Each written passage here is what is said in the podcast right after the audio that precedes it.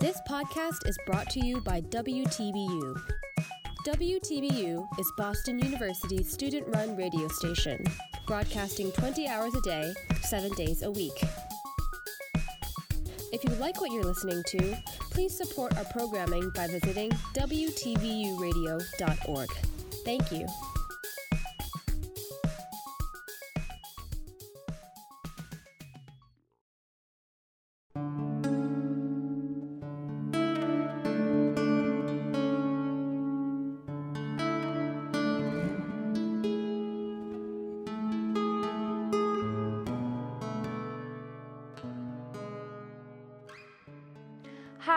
Welcome to Godcast conversations about difficult devotion and restive religion. I've been friends with Sarah Ellis for many years. We roomed together our sophomore year of college, and I was at first skeptical about her pageant past and sorority girl persona.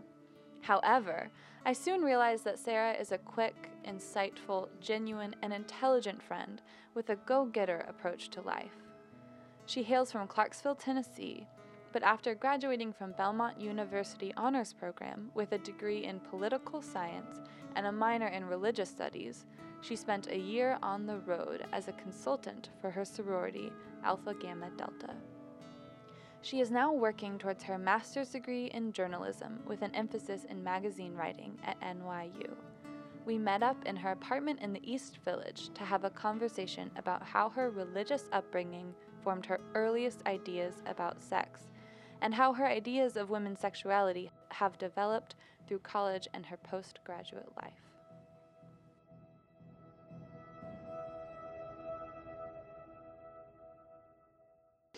So, who would you consider to be your first religious teacher? Or the person who first formed your ideas about God?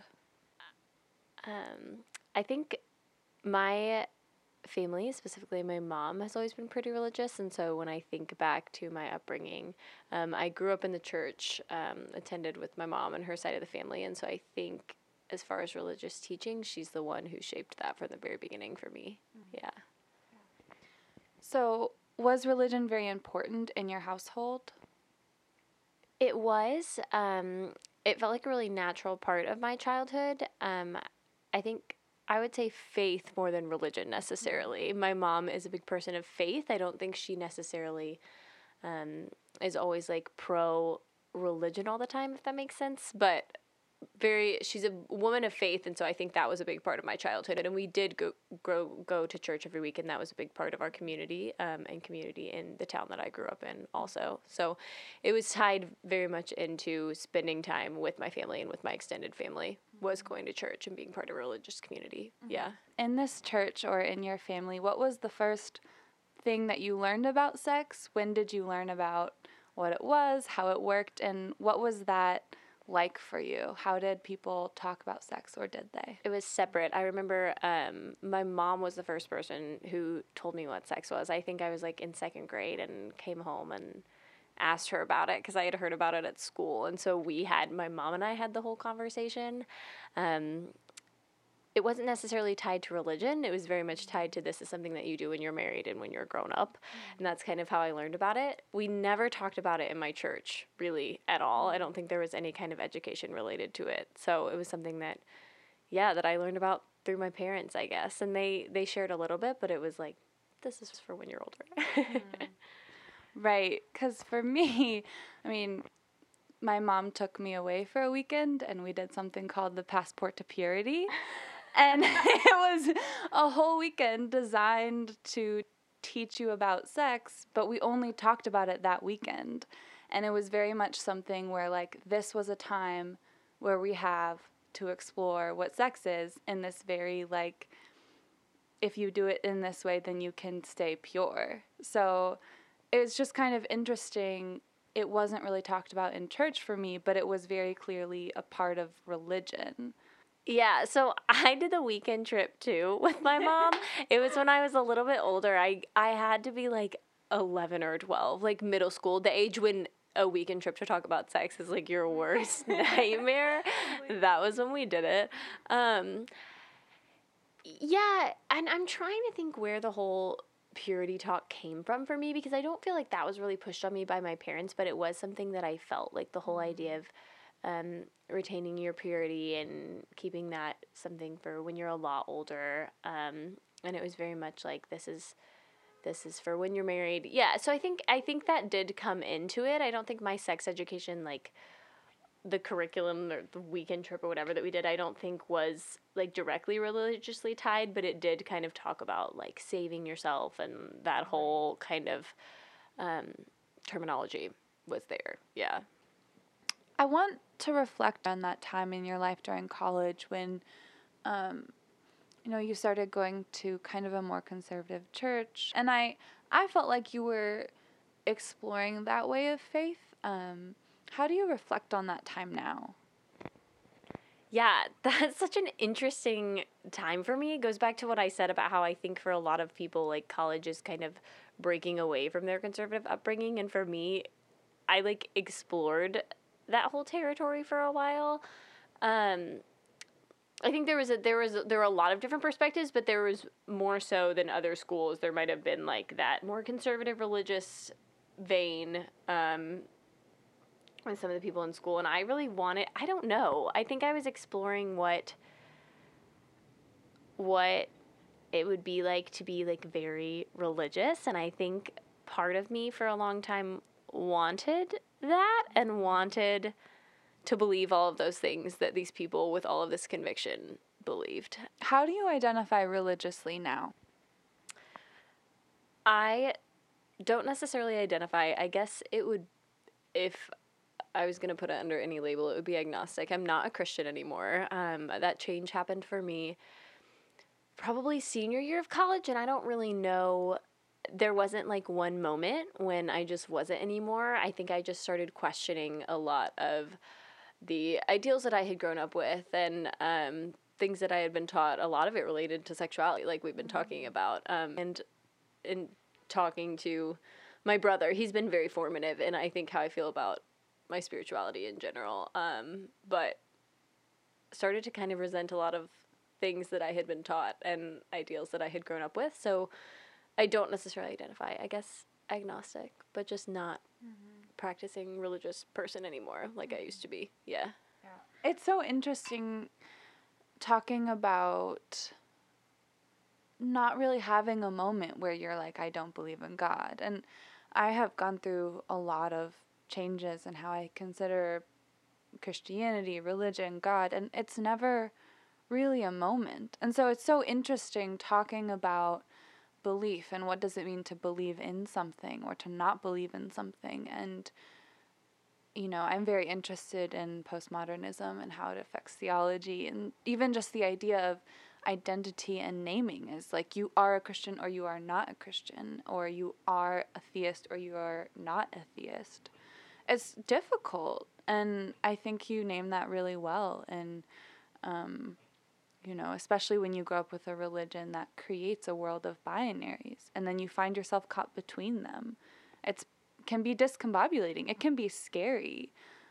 Yeah well and i love what you said about that idea of a binary because i think for me it's now it's now something that's not like any kind of like anti-religion or anti or that i don't believe in god. I think it's more just like the comfort of like not or or discomfort of not knowing and like being okay in that space mm. and like you said i think it's such a binary of like you are or you aren't or you believe or you don't believe and um, that's not how spirituality works um, and it's not how it's ever worked for me mm. so yeah i just think i mean maybe like furthering myself from that religious world but it's not even something that's like not in my life at all anymore. It's just something I don't identify with that culture anymore, I guess.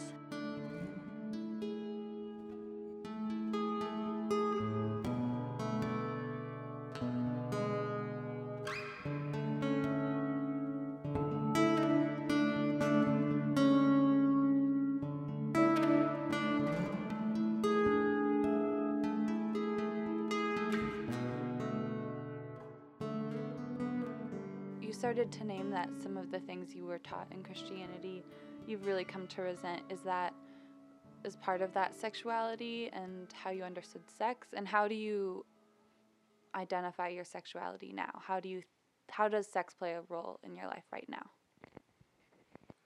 This stuff is also hard for me to name because it all feels like such a gray area for me in a lot of ways. Like my perspectives on this stuff did not change because of like one event. Like the teaching was always like you wait until marriage to have sex and that always just was.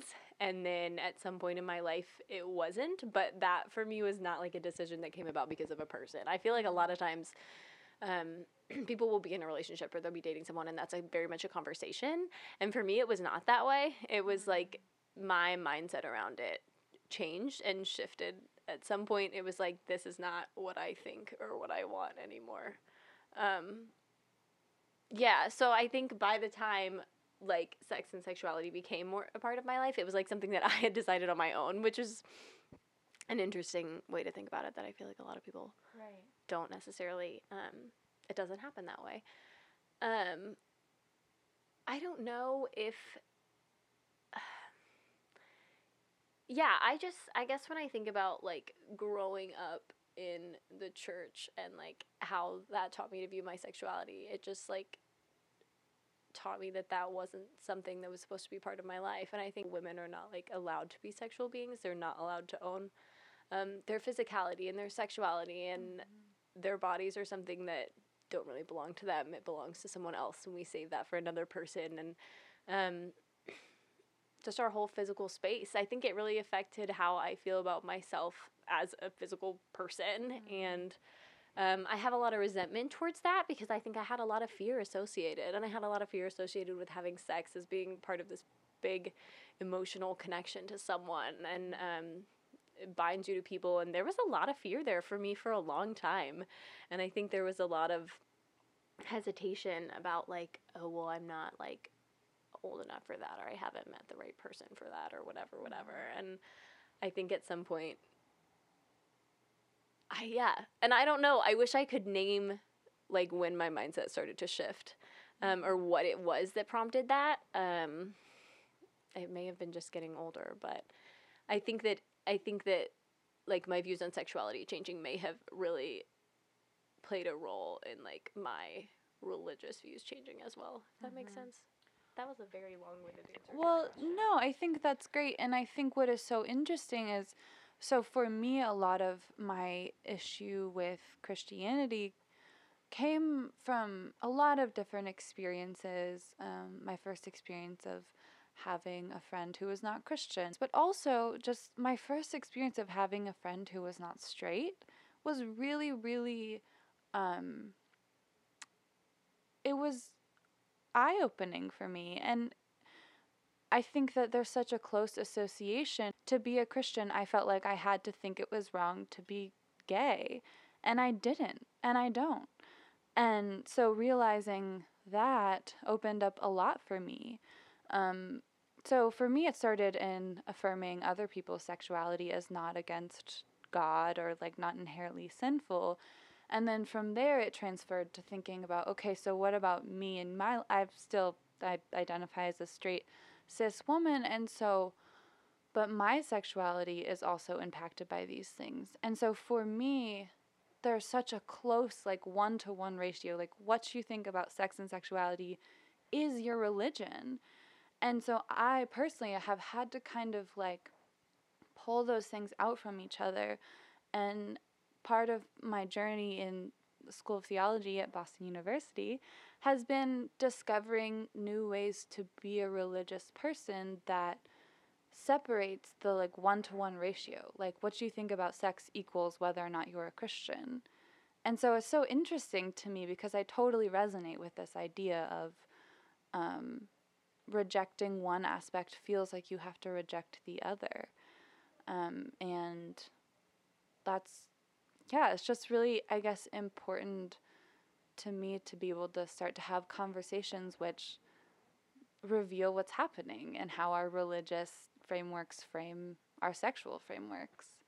Um, did you grow up with any idea about um, queerness or homosexuality or anything like that being problematic? Not at all. That um yeah, that has never been something I think like I'm from a religious community in the South, but not necessarily conservative religious Mm. community, and my family's very liberal, so I don't think that was ever that has never been like an issue for me. Um, That's awesome. yeah, exactly. So that feels really lucky. Um, but I, I, that's interesting. Like you were saying, like the idea of that is affirming someone else's sexuality. So then where does yours come into play? Like, is that still for you something that's like not allowed to be right. connected? Like there's a disconnect. I've never thought about it that way. Yeah. Well, and it's so interesting because I feel like in studying the New Testament and particularly Paul, his conception of the body is very different than our conception of the body. And he had such a communal idea of this new Jesus movement that he was um, a part of making happen. And it's so interesting because I feel like my certain communities I'm in, it's like my sexuality and the decisions I make with my body, they feel like it really truly affects them. And I think that is kind of evident in some parts of like First Corinthians and um, but I don't so it also comes back for me about how I understand the Bible as a religious text and I don't understand it as true um, literally and I think of it as a very amazing document that is so informative to my life, but I've had to let go of thinking about it how I used to. And all of this for me is tied back to sexuality. I mean, sex is like actually pretty important to Paul. So it makes sense that it would be, you know, how you think of the Bible, how you think of religion, and how you think of sex. One of those crumbles, and like all of them kind of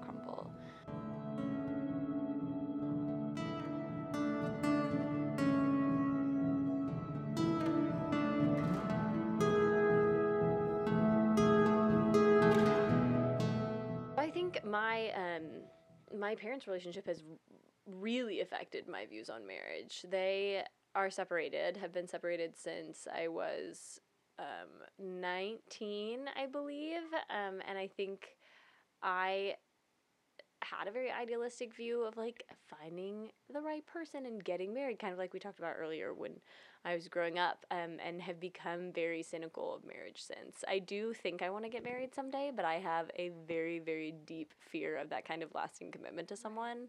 Very, very deep. Um, so yeah, so I mean, it feels like something that is like down the road for me, hopefully one day, but I have a lot of fear associated with it, and I, um, it's associated very much for me with like a loss of my independence, which is a scary thing. So yeah, which has been very much impacted by how I've seen it modeled for me and like my family. Yeah. Right. Well, and I think when I decided for myself that I didn't want to prioritize getting married, that affected how I understood my relationship to sex.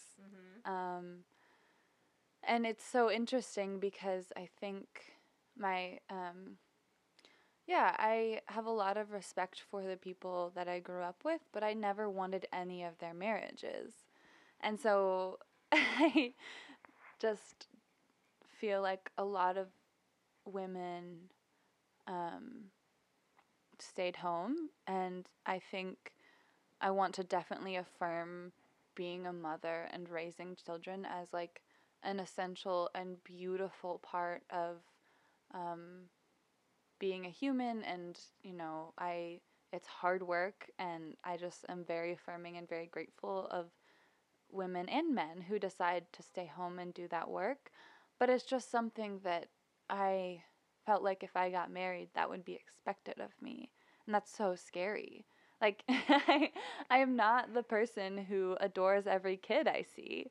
Um, so yeah and i know you have some um, hesitancies about having children. Do you want to talk about that? yeah um because i think that relates to how like what i think about like being a woman in this society as well i don't want to have kids i really have never felt that i wanted to um so i think i do want to get married one day but i just don't necessarily want to have a family it just doesn't feel like a calling in life for me um which like you said i mean i think there's a lot tied to that too. Like i used to have a lot of judgment around women who I thought wanted to just like settle down and be moms, but I think that that is so incredibly like the right thing for so many people and it's great but i also think there's a lot of stigma the other way around like a woman that doesn't ever want to have a family. Um so that's yeah that's interesting for me too because it like almost feels like they're and I'm not really facing this a lot yet because I'm still really young. But um, I mean, I think getting older, it's the whole idea of almost that there's something wrong with you if you don't want to be a mother. So I don't know. We're gonna see. But yeah, that doesn't doesn't feel like it's in the cards for me. So yeah. Well, and then I feel like saying something like, I don't want to be a mother, in some ways is more affirmative of women who choose to be mothers because then it's it's more like a choice that some women can make and less like I'm a woman this is expected of me. And I mean, yeah, I just really think that I mean there's stigmas both ways. Mm-hmm. Women lose out like if you stay home and raise your kids, people think you're lazy. If you have a full-time job and raise your kids, people think you're a bad mother. If you don't have kids, then you're not maternal and there's something wrong with you. Right. So it's just like, as women, you know, our sexuality, I think, first of all, needs to be freed from this idea that it's only about being mothers and that, like, women can enjoy sex. And if that's in the context of waiting till you're married to have sex, great. But it shouldn't be this thing where it's only about the man. And Well, right, and it shouldn't be this thing where, eh, where you wait until you're married and then it's all something you do for your husband. Mm-hmm. I just hate that whole idea. Like I hate it, and that I think that's what we're teaching women in a lot of ways, and I think that's what a lot of religious communities are teaching women. Mm-hmm. Um, is that this is something that you wait until marriage and then like. You know, your body belongs to him, so this mm-hmm. is like this is for him now, and like yeah, you're gonna like be a mother. Like right. that is just so absurd to me. So yeah, I mean, so sexuality for me is not connected to marriage because I clearly have a lot of stress around it and also not connected to wanting to be a mother because I don't. So Right. it is this independent thing and yeah, I just have so much issue with the fact that we don't teach women that it's okay to want to have sex and that it's okay to enjoy sex because that is such an important and empowering thing and has been an empowering thing in my life and yeah, I hate that that's against what I feel like the type of teachings that I grew up with. Yeah. Yeah.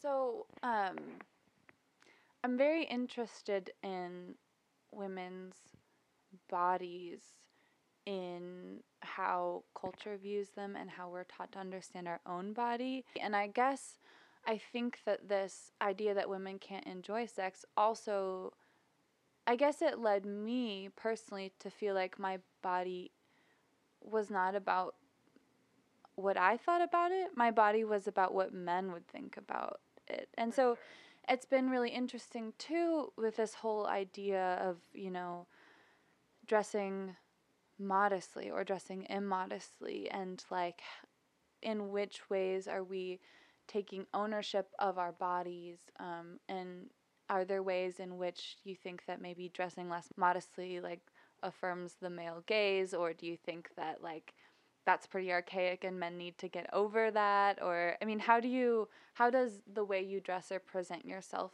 in your everyday life affect how you think about sex and women's bodies? Yeah, so I think a lot of the language that I heard growing up around modesty was the whole idea of temptation and boys being tempted by the way that we look or what we wear, um, which also I think is so negative for men because, again, this goes back to what my brother used to tell me about how he had all this guilt about how he felt about women.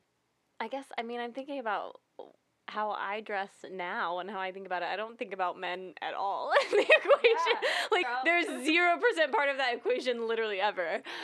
Um, yeah, and I think we were saying, like, do I feel like, what do I feel about the way that women dress and, like, affirming the male gaze, or do I think they need to, like, get over it? I mean, I think women can and should be able to wear whatever they want and have ownership of what is theirs. And I think the temptation language is really bad for both sexes, mm-hmm. honestly. Like, we're, we're teaching women that their bodies are objects and are not theirs and are tempting to men and we're teaching men that they're not allowed to look at women sexually which women are, are I, I don't know I, I think that that is that's negative as well yeah.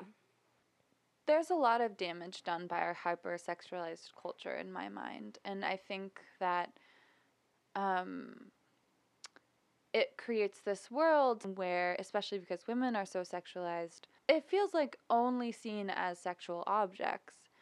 And so it comes back to the conversations we've been having. I mean there's different ways whether it's like extreme purity or women as sex object to flatten women's identities to being about sex and like the absence or the presence of it. And so, I mean, I do think that it's a tricky topic in the ways that, um, you know, we live in a strangely sex affirming world, but the way that it's affirming is really affirming of norms, I feel like especially in our media.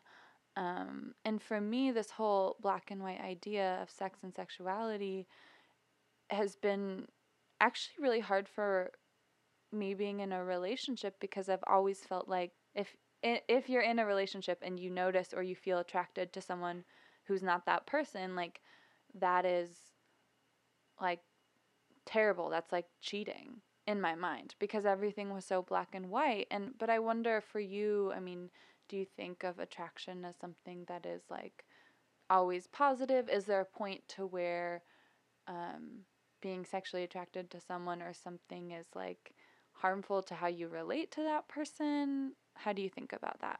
Yeah, well, and I think it's interesting that you said you feel like we live in a sex affirmative culture because I don't necessarily feel like we do. Mm-hmm. I feel like it's very oversaturated, which may come partially from the fact that I think it it comes out in really negative ways because it's weirdly suppressed in other way. Like I feel like a lot of like the hypersexualization that comes out um, in our culture is maybe as a result of it being taboo and being suppressed in a lot of other ways and i mm. think that mm. sex education is not what it should be and conversations around sex with young people are not what they should be and so i think that it that comes out in a lot of really negative and messed up ways.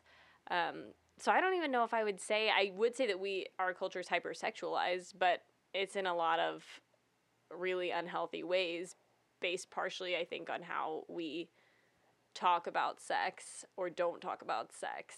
Um, you know, in religious communities with kids, as adults, all of that stuff. I just think we don't really know how to how to handle it. So then it comes out in this oversaturated, kind of messed up way.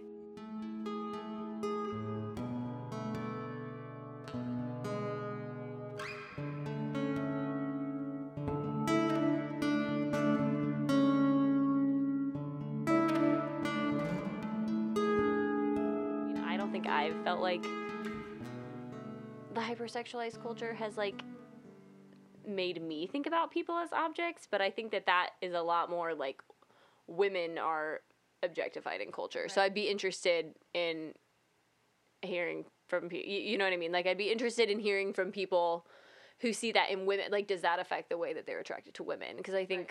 for like it doesn't really change the way I relate to men.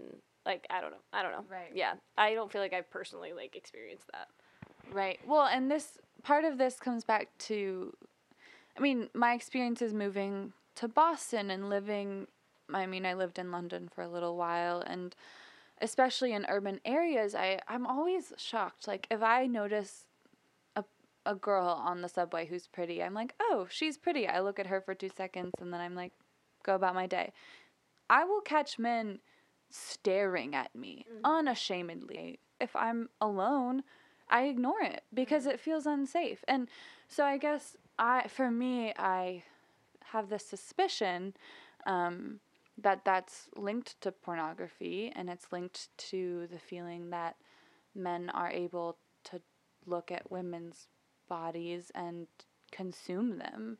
Um, and I don't think it's the same. I mean, I don't feel that way about um, men like if i notice a cute guy i don't feel entitled to stare at him that's rude right. i understand in some ways why religious communities are telling men that they need to be careful with their sexual urges because there's also this other culture that like affirms women as objects. It feels as a woman like men are completely accepting of like embracing the fact that they see the women around them as sexual opportunities or they're like completely repressed and feel completely Guilt guilty. shame. Right, and why does it have to be one of those two extremes? Yeah. Right. So yeah. So it is interesting, uh, um, men and women on this issue and how our sexuality feels suppressed, but in some ways I feel like I never really look at a guy and think of him sexually. Right. Like Yeah. I just that's never my first thought. Right. Yeah, which I just think has to do so much with how our culture treats sex in general. But yeah, I like what you said about it's like we're teaching men two extremes that I think are not that are both very unhealthy and unnatural. Right. Yeah. And I mean, also grew up with the idea that men and women can't really be friends. Well, and I'm just thinking about what I and we grew up with the idea that women are not allowed to be sexual beings. So we're not our first thought is not to look at men and think of them sexually because we Right. that's not what we do. You know what I mean? Right. Yeah. Right. And then with men, it's like, well, women are going to be so tempting to you and you're going to have such a hard time. And so, like, So don't. they have that expectation. I've been thinking about this a lot and studying theology because there's a lot of various narratives about how Christianity in its beginning was actually very affirming of women and um, you know there's different opinions on that. But one thing that I have been thinking about is how before birth control and contra- contraception and before women had more control over whether or not they could get pregnant if actually maintaining a strong um, sense of like virginity and telling women to not get have sex until they're in a more stable position if in a certain context that could be viewed as pro woman as protecting women from the experience of childbearing which was at that time so dangerous. And like women didn't have control of their body and had even less control if they were impregnated by someone. And so then my question is always like how much of this um, is can we consider purity ideals as pro woman in a time when they didn't have the same technology we have and how does something like contraception change how we should think about sex and sexuality for women Right. Well, and I think um, contraception has fundamentally changed the women's movement just in general. It's changed a woman's whole ability to be able to create an independent life for herself outside of someone who raises a family, which is so huge. And I do think, like you said, it has hugely changed women's sexuality. And maybe we as a culture are still catching up to that and figuring out um, how to handle that. Because you're right. I mean, I think having sex for women used to be so different because there was a lot more tied to it. I mean, when it is tied to starting a family, that is such a huge um, that is a huge commitment in itself. And so it makes it more of a commitment. Whereas now I think it's just fundamentally like with the like invention of contraception, it's just made sex very different in our culture in general.